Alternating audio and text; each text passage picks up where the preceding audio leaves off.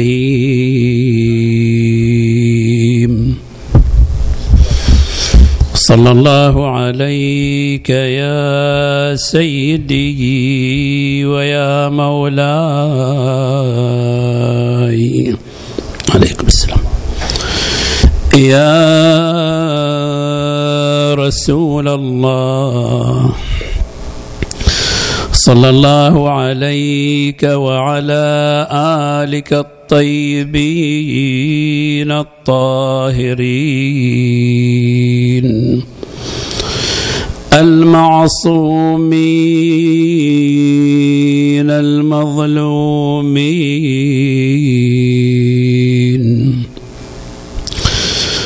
صلى الله عليك يا سيدي ويا مولاي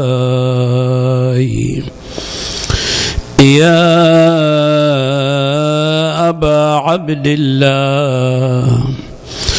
يا غريب يا مظلوم كربلاء. سيدي يا ليتنا كنا معكم فنفوز. فوزا عظيما. مدارس آيات خلت من تلاوة ومنزل وحي مقفر. عرصات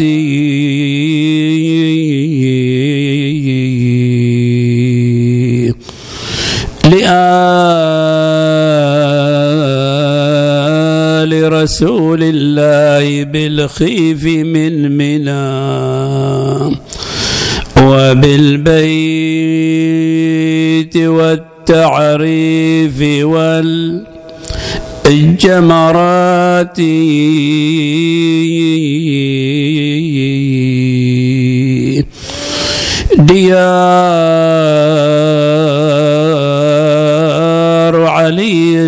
علي والحسين وجعفر وحمزة والسجاد ذي الثبنات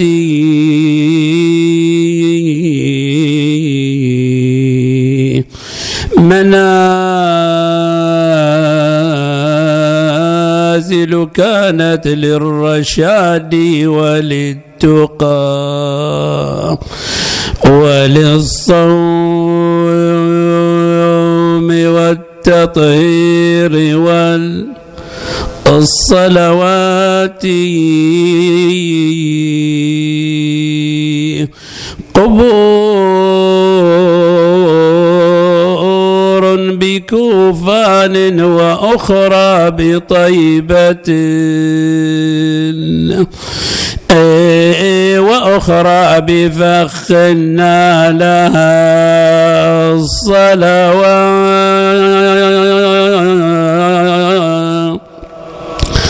آتي قبورا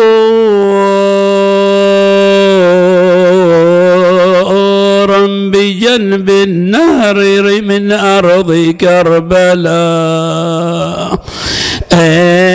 معرسهم فيها بشط فرات.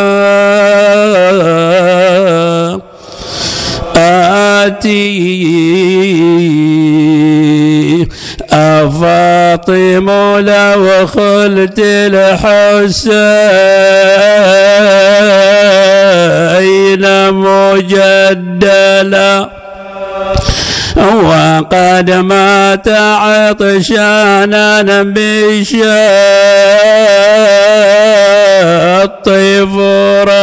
فراتي إذا للطمت الخد فاطم عنده وأجريت دمع العين في الوجنات فاطم قومي يا ابنة الخير واندبي. نجوم سماوات بأرض فلاتي ونوحي على الأولاد يا زهر الحزين في كربلاء واحد واحد في المدينة أولا وتفرقوا عني شو صار الشمل تبدي. واحد من جعد قضاء واحد من زي دفن عند شواحد عن جبعه وقبر الحسن عند شقابر حسين وين؟ أولي وين وين اليواسين بدمعته آه آه على ابني على ابني الذي حزى ورقبته آه آه أويلاه يا ابن الماء حضرته آه غسلت جسم اولادي فانت يا ويلي ولا غسلت جسم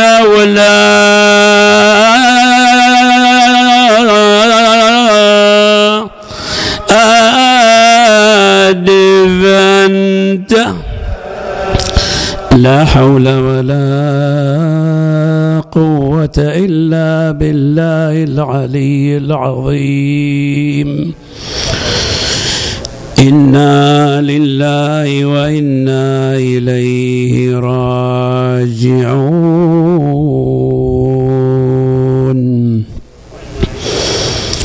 قال الله تعالى في كتابه الكريم بسم الله الرحمن الرحيم. واللاتي تخافون نشوزهن فعظوهن واهجروهن في المضاجع واضربوهن فإن أطعنكم فلا تبغوا عليهن سبيلا. إن الله كان عليا كبيرا. صدق الله العلي العظيم. صلوا على محمد وآل محمد. صل على محمد محمد تشير هذه الآية الكريمة إلى قضية التعامل داخل الأسرة من قبل رب الأسرة نحو الزوجة. حيث أنه اليوم نعيش مشكلة كبيرة جدا وحساسة ومهمة وهي قضية العنف الأسري. هذه القضية تعتبر الآن مشكلة متحركة يشير إليها علماء النفس الاجتماعي وعلماء القانون والمصلحين الذين يهتمون بالأسرة. قضية الأسرة في الرؤية الدينية تعتبر كيان مقدس. اهتم بها الدين اهتمام كبير جدا. وحاول أنه يوجد هذا الكيان على أسس متينة وقوية. من الأساس يعني الدين لم يشير أو يعطي أهمية للأسرة بعد تكون الأسرة. لا الدين أخذ الوقاية وأخذ الاهتمام وأخذ التحصين لكيان الأسرة قبل تكوينها قبل وجودها. ولذا أشار بأنهم عند الاختيار يجب أن يكون الإنسان دقيق من ناحية الرجل ومن ناحية المرأة. إذا أتاكم من ترضون دينه وخلقه. الدين والخلق هو الأساس في تكوين الأسرة وفي التعامل داخل الأسرة. عليك بذات الدين تربت يداك. وهكذا هذا تحصين إشارات من أجل توعية الإنسان في عملية الاختيار. ولذا هذا الكيان مقدس ما بني في الإسلام بناء أفضل من التزويج أو أعظم من التزويج. إشارة إلى أنه هذا الكيان عندما يتكون هو مقدس هو عظيم أعظم مقدس عند الله سبحانه وتعالى وهو بنيان أو كيان بعد الإسلام يأتي في المرتبة في الأهمية. ولذا جاء وقنن أيضا داخل الأسرة وجعل هناك قوانين كيف يتعامل الزوج مع زوجته وكيف تتعامل الزوجة مع زوجها. تشوف الآن من قبل المستشرقين ومن قبل الغربيين ومن قبل المتأثرين بهذا التيار وبهذا الاتجاه شنو نظرتهم؟ عن الإسلام نحو المرأة. يجي يقول لك الم... ال... الإسلام هضم المرأة. الإسلام لا ي... لم يعطي المرأة حقوقها. الإسلام نظر إلى المرأة نظرة استحقارية دونية. ليش؟ يجيب لك قضية الإرث قضية قوام الزوج قضية مثلا الحقوق الموجودة الرجال قوامون على النساء. فيجي من هالثغرات التي هو لا يفهم حقيقتها. إحنا عندما نراجع الأحكام الشرعية في الوظائف الواجبات من قبل الزوج نحو المرأة نحو الزوجة. كم حكم؟ كم حكم؟ أحكام كثيرة متعددة تقريبا ستة أحكام يجب على الرجل أن يقوم بها. من النفقة من حسن العشرة من ضمن الأحكام الدقيقة التي يشير إليها الفقه الإسلامي. في قانونه يجب على الزوج هذا شوف وين تحصل هذا؟ في أي منظومة حقوقية؟ ما موجود. يجب على الزوج أن لا يشاكس يعني لا يستثيرها لا يجي يحاول يغضبها. ما يجوز لك. والله اليوم الطبخة صارت مالحة. تجي وتقول شو الطبخ هذا. وين إحنا عايشين؟ كل يوم ناكل مالح. بهالمستوى يقول لك الدين لا تتكلم. لا تتكلم. أولا ومعروف عندنا ومن البديهيات أصبحت أن قضية الطبخ وقضية التغسيل ليس بواجب على المرأة. فهي إذا تقوم به تقوم به من باب الجانب الأخلاقي لا من, جن من باب الجانب الحقوقي. يعني عندنا هناك جانبين داخل الأسرة. الجانب الأخلاقي وحسن المعاملة جهاد المرأة حسن التبعل. المرأة أنه إذا قامت بأي شيء داخل بيتها لو ترفع قطعة ورقية لو تقدم كأس ماء لزوجها لها من الثواب الكبير جدا. هذا من الجانب الأخلاقي من جانب الإسلام واهتمام الإسلام. فكيف إذا تقوم بخدمات كبيرة للزوج؟ تعطى الثواب الكبير جدا. وأيضا الزوج إذا يعطي زوجته الأمور الزائدة عن الحقوق الأساسية أيضا له ثواب. يحسن أخلاقه يعطيها في النفقة أكثر من حقها. وهذا كله محسوب عند الله فيه ثواب فيه ثواب. وهناك الجانب الحقوقي طبعا الجانب الأخلاقي له دور كبير وله أثر عظيم في الحفاظ على هذا النسيج وهذا الكيان المقدس. وفي الجانب الحقوقي ليس للزوج على المرأة إلا أمرين. فقط ما في شيء ثالث وهو التمكين وهناك اختلاف في الحكم الثاني عند الفقهاء أنها لا تخرج من بيتها إلا بإذنه.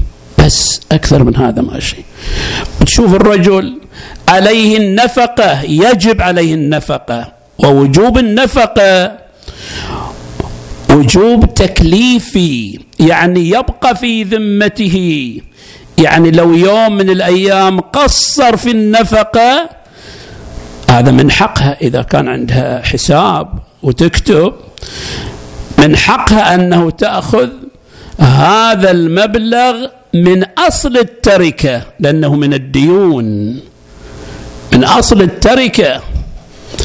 قبل أن يقسم على الورثة يجب أن يعني تعطى إياه. لأنه تكليفي أمر تكليف يعني واجب عليه. تشوف الآن لا. الزوجة مسكينة تعمل وتكدح والبطاقة في جيب الزوج. هذا ما يجوز. لا يحل مال امرئ إلا بطيب نفسه. إذا كانت راضية ماكو مشكلة. إذا كان لا مو راضية ما يجوز. فهنا الآية الشريفة ولذا تشوف الآن شوف تعدي على الحقوق وإحنا ما نشعر إن أكو تعدي ماكو تعدي. شوف مثلا آه العربية نت يوم 19 محرم تنزل تقرير عن العنف داخل الأسرة.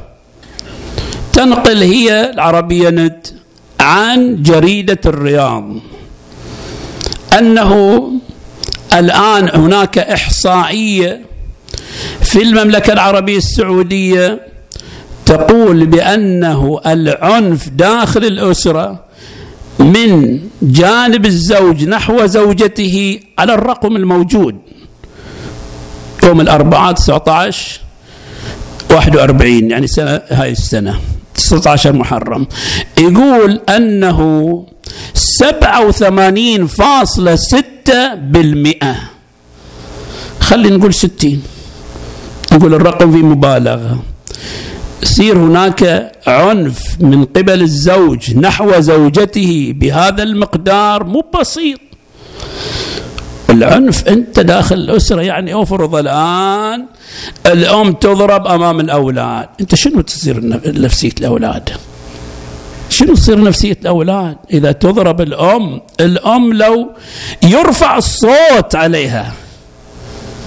الأولاد يتأذون تصيبهم عقد نفسية يصير عندهم انفصام في الشخصية يصير هناك انهدام للأسرة ولكيان الأسرة. إذا كل يوم عركة داخل البيت الأولاد شنو بعد؟ ما كله يروحون للشوارع. يهربون. فهذا من جانب الزوجة. من جانب الأولاد الأطفال النسبة تقول في نفس الجريدة 45 بالمئة. 45 بالمئة. هذا مو بسيط. لا تفكر بسيط أنت. على الواقع الاجتماعي مو بسيط جدا. فلذا هنا في هذه الآية الشريفة تعرض كيفية الحلول. لو حصل هناك تجاوز من قبل الزوجة واللاتي تخافون نشوزهن. فعظوهن واهجروهن في المضاجع واضربوهن. فإن أطعنكم فلا تبغوا عليهن سبيلا. يعني يقول لك القرآن يعطيك قانون إنه متى الآن يجوز أن المرأة تضربها مثلا؟ يقول واللاتي تخافون نشوزهن في حالة النشوز. والنشوز وين يتحقق؟ إما في عدم التمكين ما تمكن نفسها للرجل أو أنها تخرج على اختلاف الفقهاء أو أنها تخرج من بيتها من دون إذنه فقط في هذا المجالين. وأول شيء لابد الموعظة فعظوهن. هذا واحد. لابد تجي تجلس وياها بالأسلوب اللين بالرقة بالحنان بالكلمات المعسولة الجميلة. فإذا فاد فاد. ما فاد تنتقل إلى المرحلة الثانية. المرحلة الثانية فاهجروهن في المضاجع. الإسلام عندما طرح هذا العلاج يعرف أن هذا العلاج شنو؟ يجدي وله تأثير كبير جدا على المرأة. أنك المرأة تهجرها في المضاجع. شلون تهجرها؟ هجرانها الفقهاء يقولون بطريقتين. أنك في وقت النوم تعطيها ظهرك. المرأة ما تتقبل هذا الكلام. تبي تعيش داخل حضن الزوج. لأن تعتبره هذا شيء من الحنان من العاطفة من الحب. تعبيرنا اليوم من الرومانسية التي تطلبها المرأة تريد حنان. المرأة الأنثى منذ نعومة أظافرها. إلى أين؟ حطوها في القبر. إلى حتى لشيبت تبي الحنان وتبي العاطف الله كونها هكذا. كيان رقيق. ولذلك تشوفها كل يوم تسألك تحبني ولا ما تحبني؟ تسألك. عشرين سنة الحين أعيش وياك وأقول لك أحبش يا أحبش وإذا قلت لها إي ما ترضى. تبي تقول أحبك أحبش ليش تبي هالكلمات؟ ولذا تشوف الدين الإسلامي في توصياته الأخلاقية في العلاقة الزوجية ما قال الدين أن المرأة إذا قالت لزوجها أحبك. لا. الدين قال أن المرء أو الرجل إذا قال لزوجته أحبك لا يذهب ذلك من قلبها أبدا. يعني كان القضية مطلوبة. الدين ما يشير إلى شيء إلا يعرف أن له قيمة وله أثر وله يعني فاعلية في العلاقة الأسرية. ولذا الإنسان دائما يعطيها الكلمات. أذكر من اللطائف يوم من الأيام في المسجد أتكلم عن العلاقة الزوجية. هاي ينقلوني أصدقاء موجودين في المسجد. فيعني قلت لهم الآن ما أكو مانع الواحد يراسل زوجته ويعطيها كلمات معسولة يرسل لها الآن الجوال عندنا يرسل لها وردة يرسل لها كلمة يرسل لها قلب. ما اكو مشكل. بالعكس ممتاز. هذا هذا مطلوب هذا شيء يحبه الله ويحبه رسوله. فهم جالسين اثنين وكل واحد أرسل كلمة أحبك حبيبتي عزيزتي. وأرسل لها قلب وأرسل لها وردة. يقول ما شفت اللي ارسلت لي؟ قالت لي إيش صاير اليوم؟ إيش عندك اليوم؟ وين طالعه الشمس؟ فيقول لي شيء يقول لي استغربت قلت له لأنك أنت ما أنت معودها. لو معودها ما تستغرب. بالعكس هي كل يوم تطلب هالشيء. فهذه لها أثر. فعظوهن واهجروهن في المضاجع. إدارة الظهر. هذا أسلوب وهذا له تأثير كبير. لا تقول لي والله ما يفيد. لا المرأة السوية المرأة اللي تحب زوجها واللي تحب أسرتها وتريد تحافظ على أسرتها تتأثر بهذا الفعل. تتأثر. ما ترضى. الطريقة الثانية يذكرها الفقهاء أنه يروح ينام. إما في نفس الغرفة لكن بدل على السرير ينام في الأرض. وبعضهم يقول لا أيضا يجوز لا يروح ينام وين؟ في غرفة داخل البيت. مو يروح ياخذ الفندق ولا يروح استراحة ولا ديوانية لا. أنه هناك يعني نفرة من قبل الدين أن الزوج ينام خارج بيته. وتشوف الآن في تركيز حتى من علماء النفس وعلماء الاجتماع الآن يطرحون المشاكل.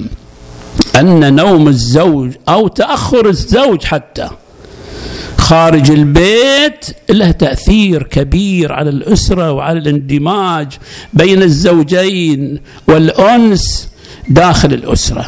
في دراسات الآن هذا مو موضوعنا.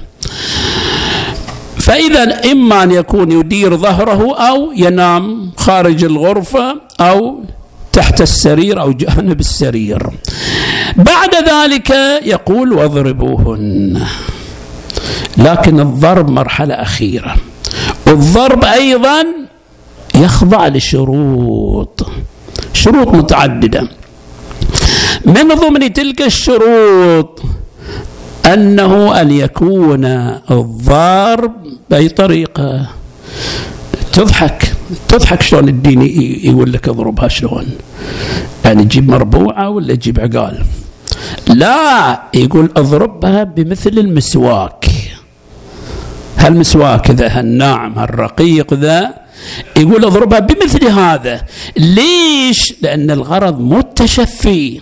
ولذا يشترط الشرط الثاني أن لا يكون هناك بقصد التشفي والانتقام لا وإنما بقصد التربية إرجاعها عن هذا النشوز. وأن يكون يعني أن يكون الضرب خفيفا وأن يكون الضرب بهذا المستوى بالمسواك بالشيء خفيف بالقلم مثلا أن يكون مجدي. يشترطون الشرط الآخر يكون مجدي يعني بيفيد بيخليها تتأثر.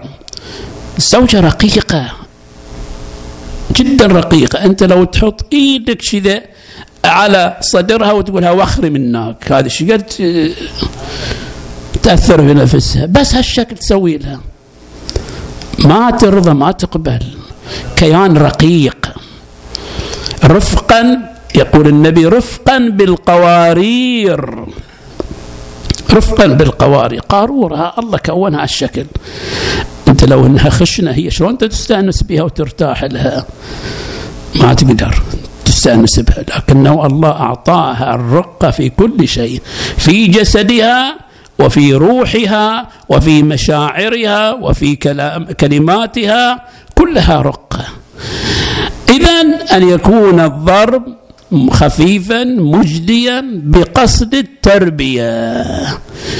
بعد ذلك الفقهاء يقولون أنه لو ذلك الضرب أثر تأثير. صار احمرار صار اسوداد صار اخضرار في الجسم بأي حالة من الأحوال.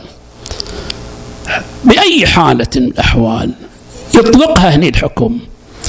إذا ضربت المرأة وأثر في جسدها بالإحمرار أو الإسوداد أو الإخضرار فعليك أن تدفع إليها الدية.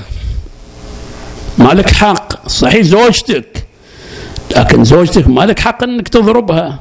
ضرب مبرح وتتعدى عليها.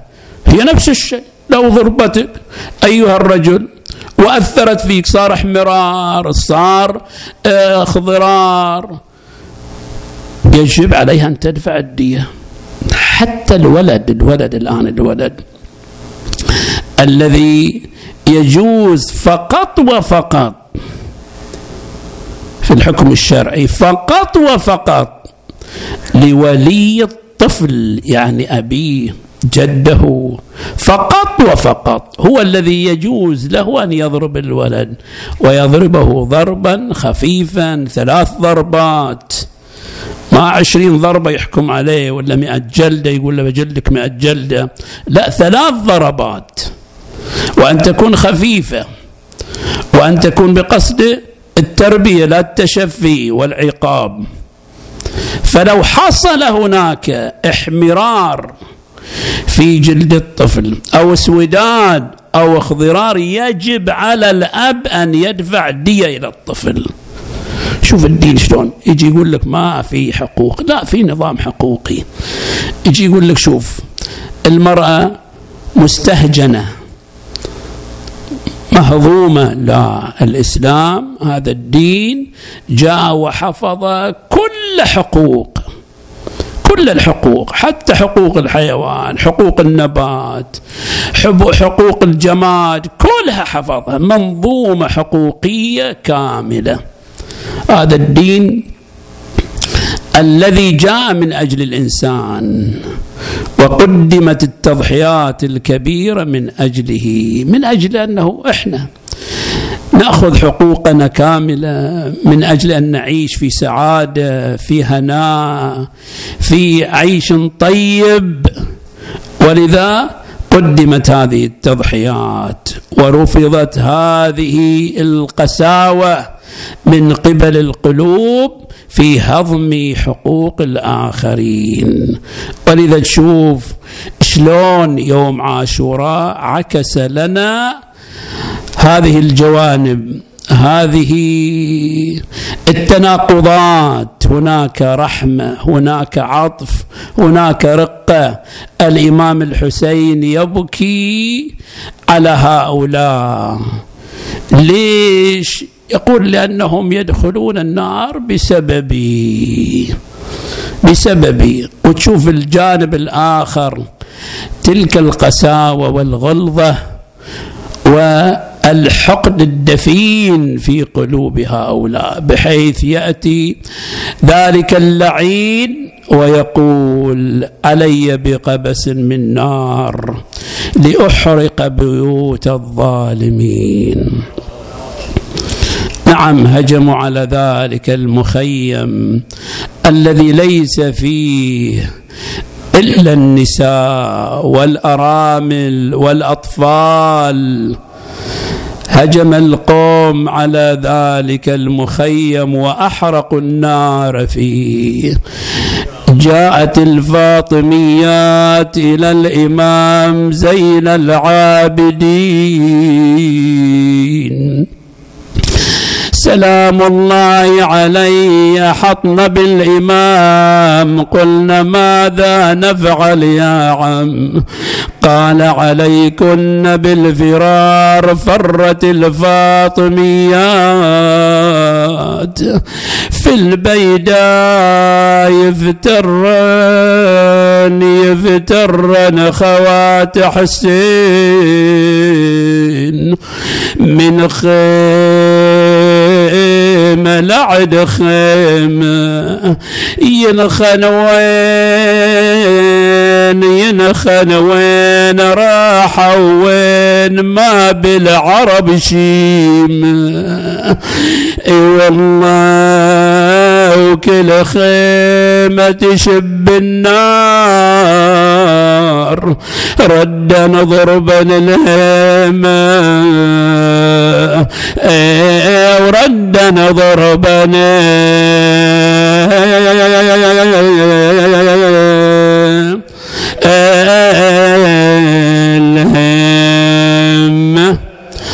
الله يقول حميد بن مسلم احترق احترقت تلك الخيام سعرت فيها النيران. يقول نظرت وإذا امرأة بقيت واقفة. عند باب خيمة من تلك الخيام. رأيتها مذهولة مرة تدخل إلى الخيمة التي قد أحرقت بالنار ومرة تخرج من تلك الخيمة. قلت لعل هذه المرأة مدهوشة. من ذلك الخطب الكبير أو لعل في الخيمة لها. امرا ثمينا وعزيزا عليها. يقول جئت إلى هذه المرأة. قلت لها أمة الله النار النار. إنها قد أحرقت هذه الخيمة وأنت تدخلين إلى هذه الخيمة. قالت يا هذا إن لنا في الخيمة مريض عليل ولا أستطيع أن أفر على عن النار. وزينب احتارت يوم شب الخيم بالنار. طلعت ويا الحريم صغاري وكبه وتصرخ بعالي الصوت طايح وين يا حسين؟ خدرين هيتك وانت غياث المستغيث. وعجل أدركنا لا تكون النساوين. إيه لما نسمع الصوت قالها يا حزينة ورد يسكن لا يذوبها ونيني. إيه ولا تكثر عتبي ولا أجني بلغ ما إيه ولا تكثر عتبي وأنا جذاب بلا وراسي قبالش والجسد بالخيل يندى وروح الشريعة بلكتي تشوفين عبه يقدر على النهضة ويسيل سيفه البتة. أو خي ما عودتني منك الجفا. فعلى ما تجفوني وتجفو من معي. اللهم بحق الزهراء وأبيها وبعلها وبنيها والسر المستودع فيها. اللهم ارزقنا توفيق الطاعة وبعد المعصية وصدق النية وعرفان الحرمة. اللهم آمنا في أوطاننا اللهم لا تسلط علينا من لا يخافك ولا يرحمنا. اللهم اقض حوائج المحتاجين خصوصا إخواني الحاضرين. اللهم شافي مرضانا بجاه محمد وآله الطاهرين.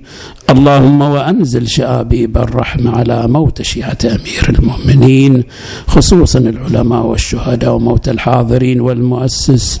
إلى أرواحهم جميعا نهدي ثواب الفاتحة. تسبقها الصلاة على محمد وآل محمد.